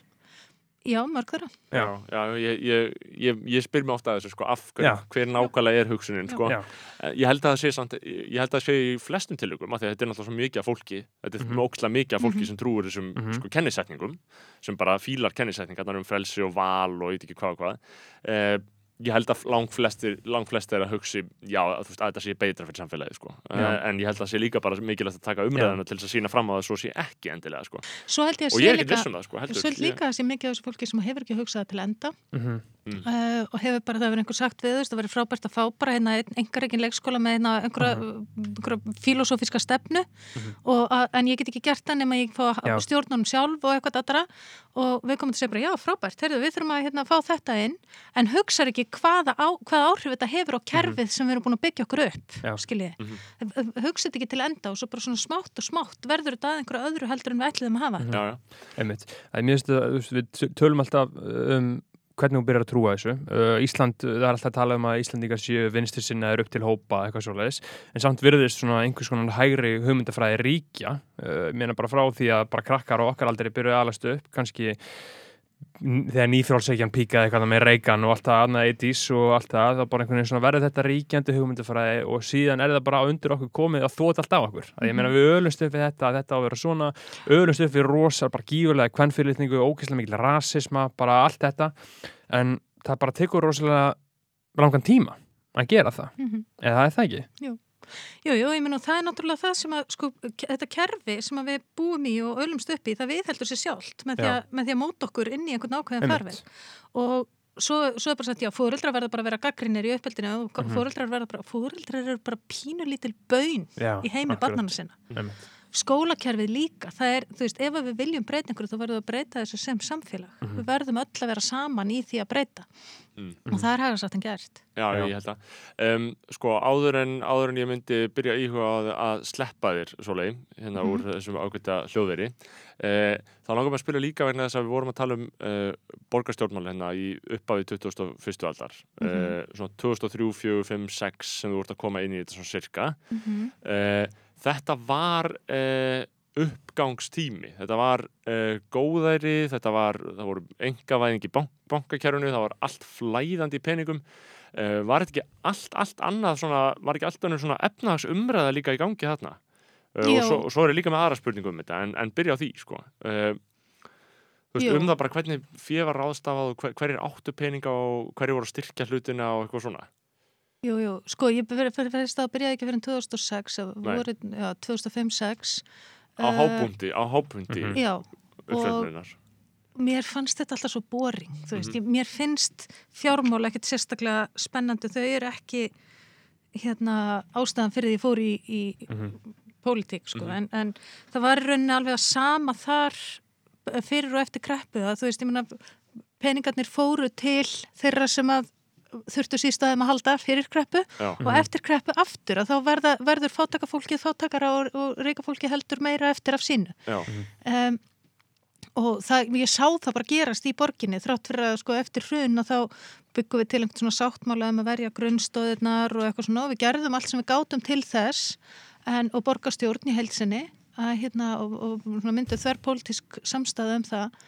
En Uh, já, þetta uh, var mjög aðteglisvert að, að vera í stjórnmálum á akkurat þessu þegar þetta gerist sko. Já, þegar allt bókstælar hrinur bara fer í sundur. Um, að, því að, að því að líka sko annað sem var hlutið umræðin hérna, því ég er að lesa núna bókina um hérna, uh, Jón Áskir og Baug og allt það tótt. Og það er bara margt mjög aðteglisvert í þessu. Og eitt í þessu sem ég var að lesa sem var bara einhver ferði frá einhver bauksferð, einhver vinnuferð hjá baugi 2002-2003 og það var bara að tala frekar svona frjálslega um það að þeir hafi bara verið að panta sér einhverja stelpur, einhvern bát sem þeir voru í. Eh, og þú veist, og það, ef það myndi gerast einhverstað núna, einhver stóri fyrirtæki í Íslandi þá myndu, þú veist, þá eru þau viðbyrðin mjög sterk ja, þá er það ekkert bara ég og Hildur, sko. Nei, nei. En, en ég minna, sko, um bara líka bara nefndafjölög, bara í háskólanum Já. voru bara að panta strippara Já, og voru bara að fara á strippstæði þetta var bara svona, bara svona vísindaferðir eh, þetta var bara stemming. Já. þetta var bara gert, bara lögfræðinimar og hægfræðinimar voru bara að fara á strawberries sko. mm -hmm. Ég minna, það voru strippstæðir. Þeir voru bara löglegir strippstæðir hérna út um allt og ég minna, ég veit ekki hvaða tók mörg ár fyrir okkur mm. að einhvern veginn vinda ofan af því ruggli allir saman. Mm, og ég menn þessi streipstæðir voru náttúrulega, þú veist, þetta er náttúrulega bara uh, bara gluggi eða hérna, hvað er þetta leiktjöld já, fyrir annað og verra sko. Það vitum við öll hérna, það er engan uh, já En, en hérna, já, ég meina það hefur mjög margt breyst og við höfum átt á okkur á því og svo, þú veist, í kjölfærið af þessari svona klámvæðingar baráttu, baráttunni gegn klámvæðingu uh, og, og strippulunum og, og þessu að þá náttúrulega kemur MeToo líka mm -hmm.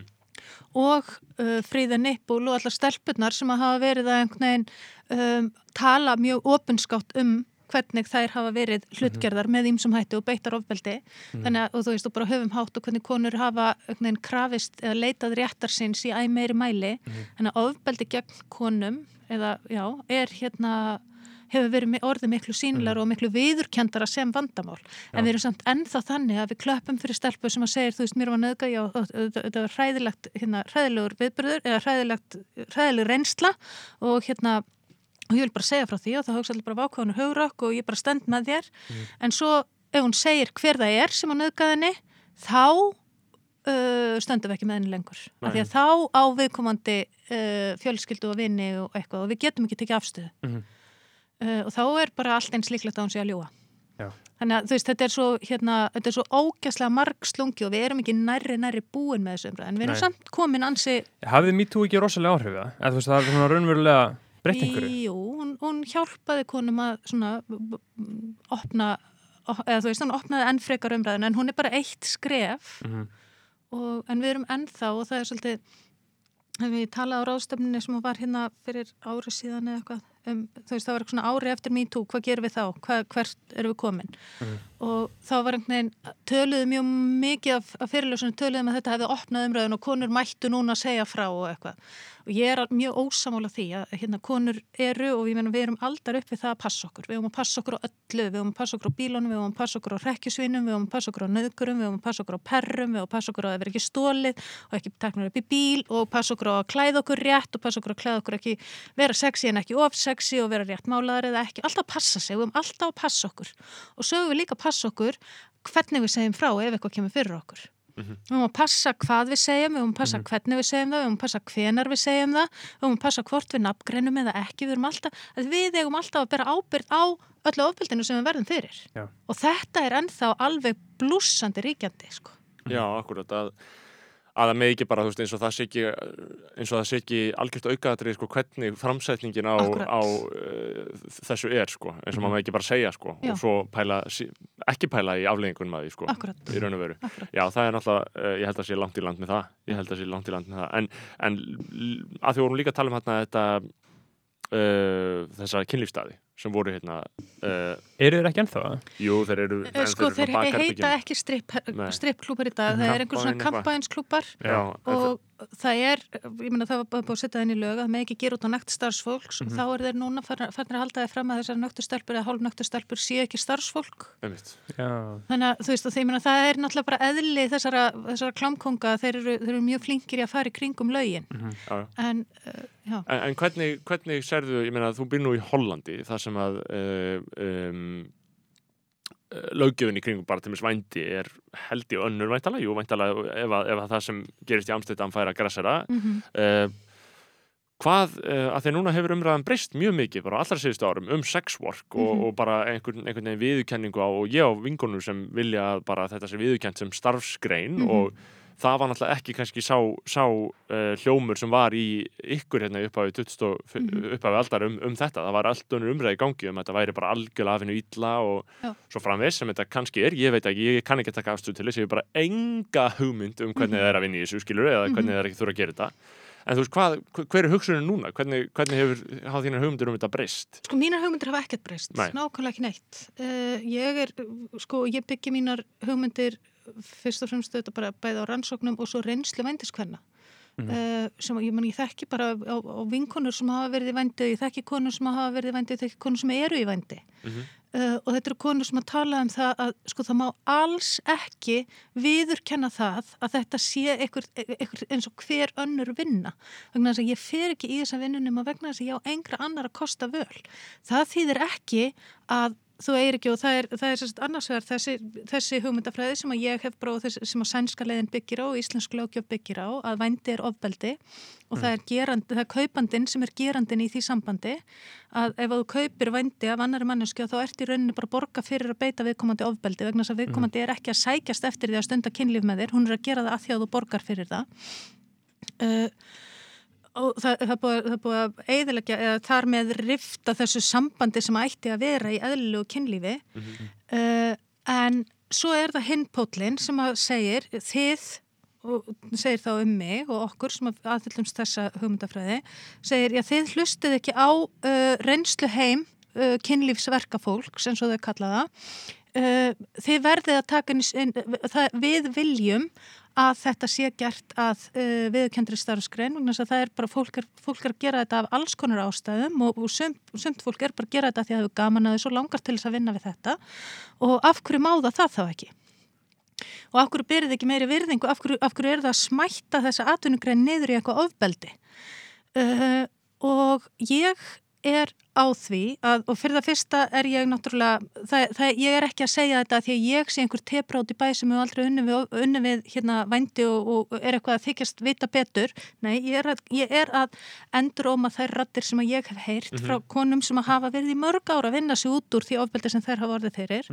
Og þess vegna aðhyllist ég þessa leið að því að ég byggi það á þeirra reynslu en innan hóps vændisfólks er ólíkt fólk. Það er alls konar fólk sem vinnur við vændi og ég hef haft þá stefnu að tala, að taka upp málstað jáðarsettasta fólksins. Fólksins sem að líður vest, alveg sama hvar er. Ég tala helst fyrir fátakasta fólkinu, fyrir fólkinu sem að býr við verstuðastöðunar ef það er svart eða skiljiði. Uh, og þar með finnst, ég, finnst, finnst mér það vera skilda mín að taka, tala, tala röddu þeirra sem að líður verst í vændi. Ég þarf ekkert að berjast fyrir réttindum fólk sem er bara eitthvað að hafa það hugulegt í vendi. Ef að það er eitthvað fólk sem er að því, fæn, þá má það bara gera það mín vegna. Það er ekki eins og að sé, þú veist, það er ekki ólöglegt að stunda vendi, það er ólöglegt að kaupa vendi.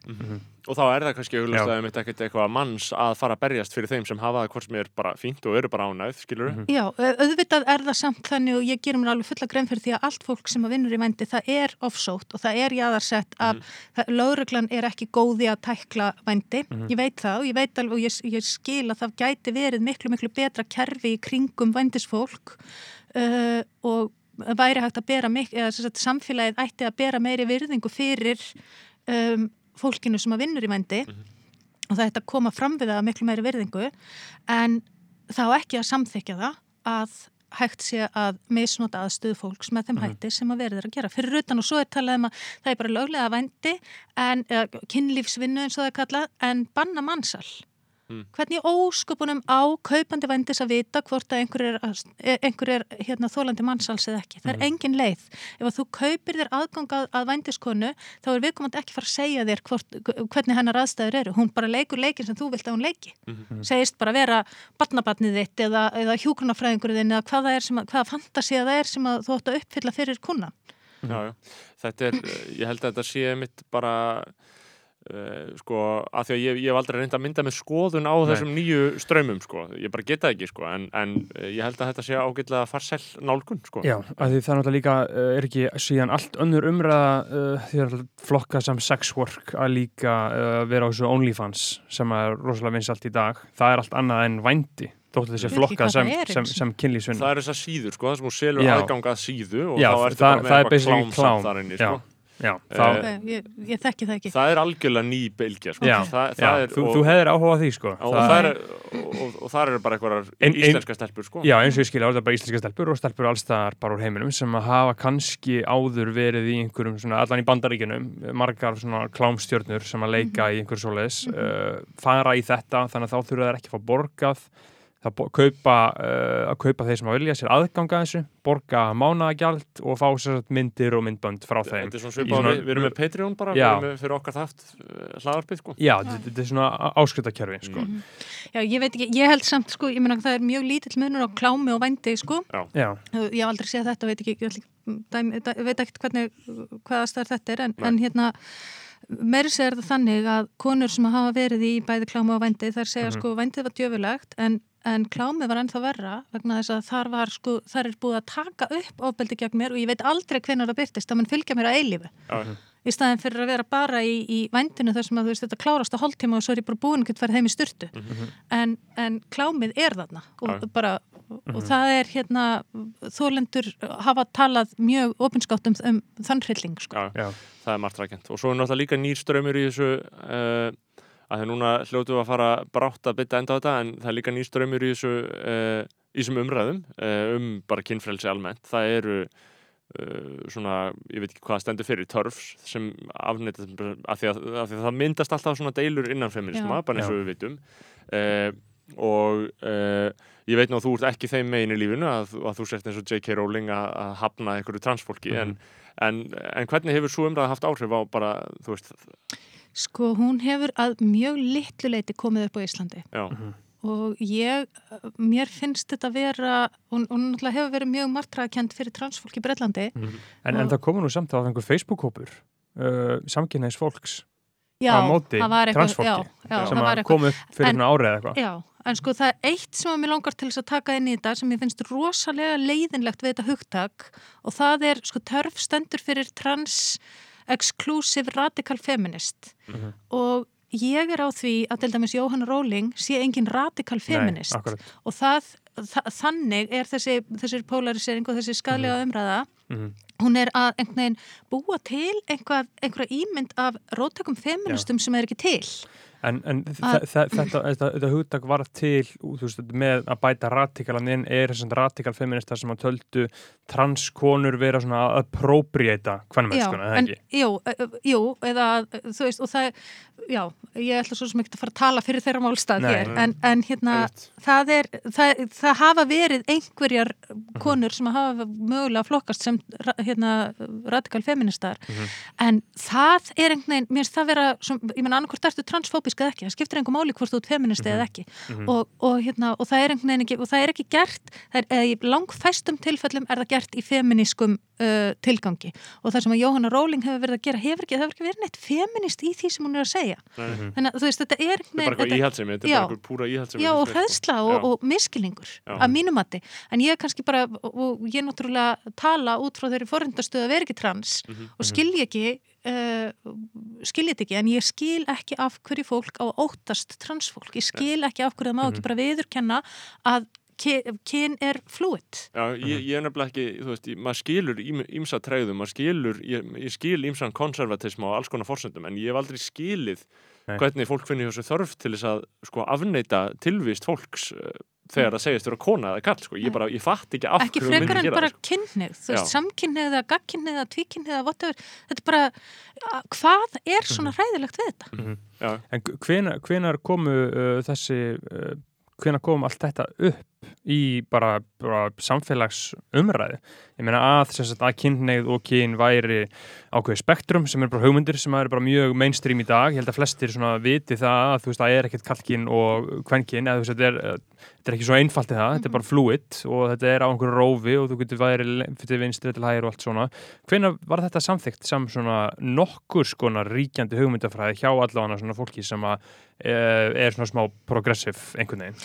Já, ég held þetta sé nú ekkit mikið meira heldur en bara nokkurn veginn samþygt í búblunni okkar, sko. já, Já. Þetta er að alveg, þetta er ekki samfélagslega samþygt almennt og ég meni ég sinni fræðslu dagstaglega það sem ég fyrir henni fyrirtæki og útskýr fyrir fólki að, að hérna, kyn, þú veist, það er, við getum aldrei skipt köllum og konum í tvo hópa, það er ekki hægt Mhm. alveg sama hvað við skoðum ég vil þó við skoðum kynfæri, við getum það ekki uh, og það, fólki finnst þetta erfitt. Já. það er svona að jafna því Já. þannig að ég held að við um daldi langt í land með að Já. það sé bara samþygt og sama með og jafnvel Hérna- hinn svona venjulegi frjálslindi íslenski millistjórnandi einhver stað og sama með kynneigð að þú veist, þegar ég meina já, dóttur sem er, sem er tvíkynneigð og, og hún er einhvern veginn það er alltaf verið að segja hún þurfa að velja. Mhm. hún þarf nú bara að vera Veist, ég meina þetta er tvítur kona sem að hún á Mhm. bara ekkert að þurfa að velja þetta neitt og fólkið í kringum hana á að vita betur. Já, já.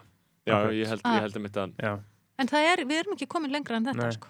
Nei og við, við lifum í blekkingu um Já, e- eigin, eigin framfæri hérna í þessu samfélagi sko. Já, og það er eh, hérna, það er náttúrulega þægilegt en það er sami næðivismin og að, að hérna, taka ekki harðar á, uppgangi fasisma og, og allt Já. þetta sko. Við þurfum að vera á Vartbergi og, og skilja að, að það er ansi ansi margt eftir sko. Sammála.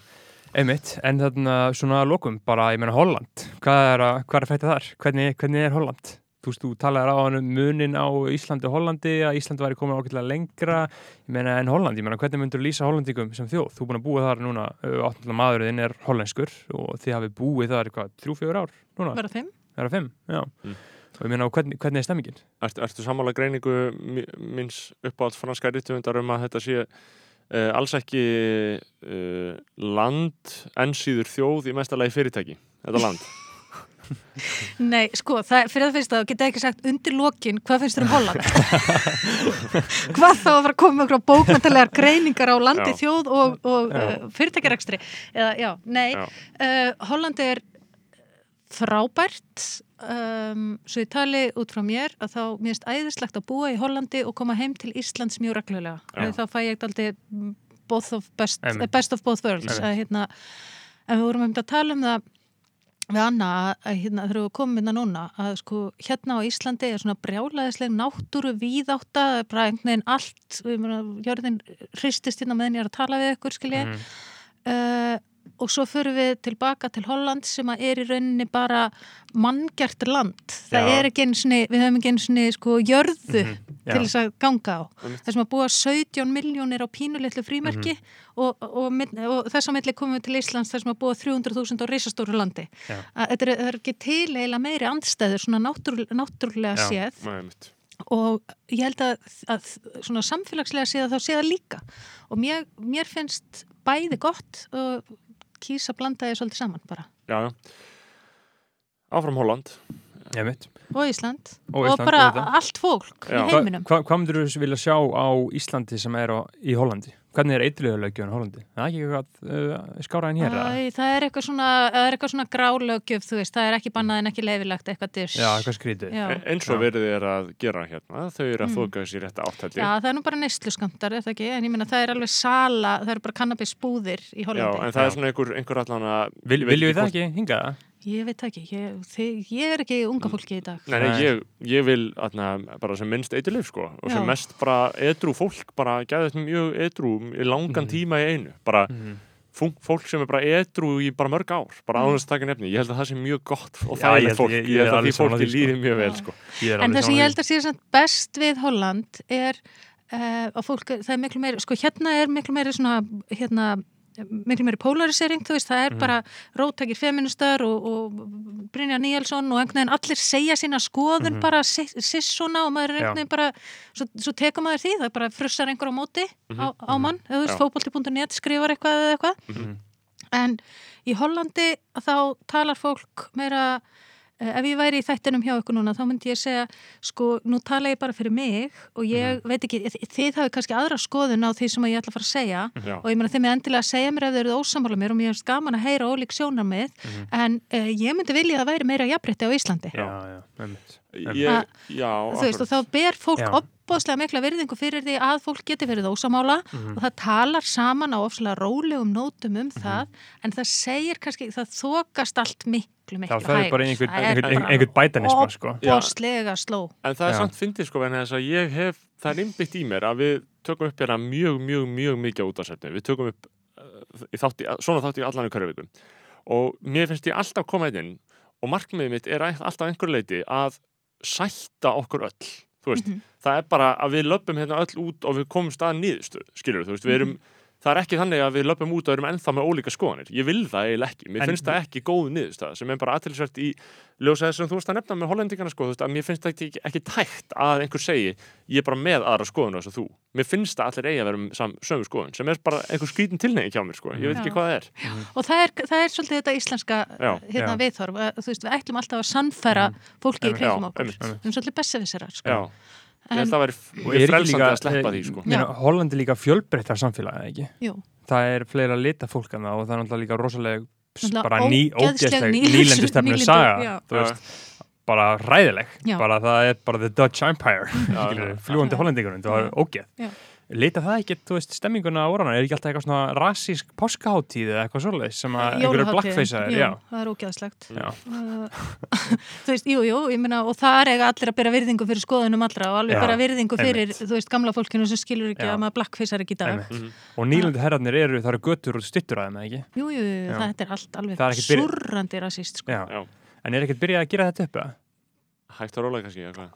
Hægur en, hægur en uh, ég myndi vilja, Já. en Já. það er aðeins og ég Mhm. meina það er, ég teku umræður um, um uh, þennan svartapétur í hverja, einasta skipti sem að ég hérna er að kenna námskeið þann úti og, Mhm. og þú veist, við, við, þetta, er, þetta er alveg rosalega eldvind efni, Mhm. en meiri segja fólk sem að er hjá mér, þú veist, doktorsnemar sem að koma til mín að læra um jafnbreytti og fjölbreytileika, þau eru oft með mjög skipta skoðanir á því hvort að blackface sé í lægi eða ekki, eða hvort Já, að þessi, ok. hvort að ég halda í þessa hefði eða ekki, eða hvers, kannski ekki hvort að ég haldi í hana, heldur hversu drastist við getum farið í að afnema hana.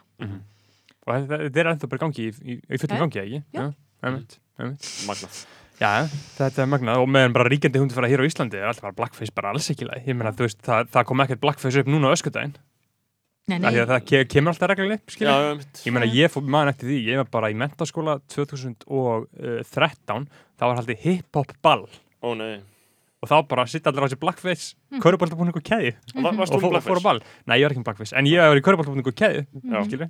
Þú veist, það var bara eitthvað sem að þú gerir. Já, Já, já. já, já. Þetta er, þetta er en, en það góða er að við erum að læra. Já, Þú já. veist, það er bara, og við erum, við erum alltaf að læra hvernig við getum tekið tillit til Mhm. þess sem að særir fólk eða, eða hérna, hefur áhrif á stöðu fólks. Mhm. Einmitt. Mm, Já, já, og við, minna, bara Við, við erum sjá, sjá hvernig það þróast. vonandi bara end, end, endu á því að bara rífa niður Ingolf Já, stýttuna, ég, ég þræ, saman þrælahaldara. Um, afværi stemming. Þannig að áður en, sko, og svo, svo er þarna, spurning sem verður alltaf að koma þegar fyrirhundi stjórnmálmaður í settinu, er það endur koma í stjórnmál eða ekki, á einhverju tímabúti, landsmálin. Já, nú var ég, nei, ég sá þetta sko, skelvingasvip. já, Nei, ég ætla aldrei aftur að fara í hefðbundin stjórnmál, Nei. en Nei. ég hef aldrei, ég finna stjórnmál, pólitík, lífið er pólitík. Og ég verð aldrei annað en pólitísk. nei. Uh, gott mál, takk hérlega fyrir að koma, fannst ekki takk, bara flott, frábært að koma. Flott að koma til kallmanna í hláðastáttu. Þú veist ekki ekki, þú veist ekki ekki, fyrir æði. já, takk hérlega fyrir að koma. Takk fyrir að hlusta.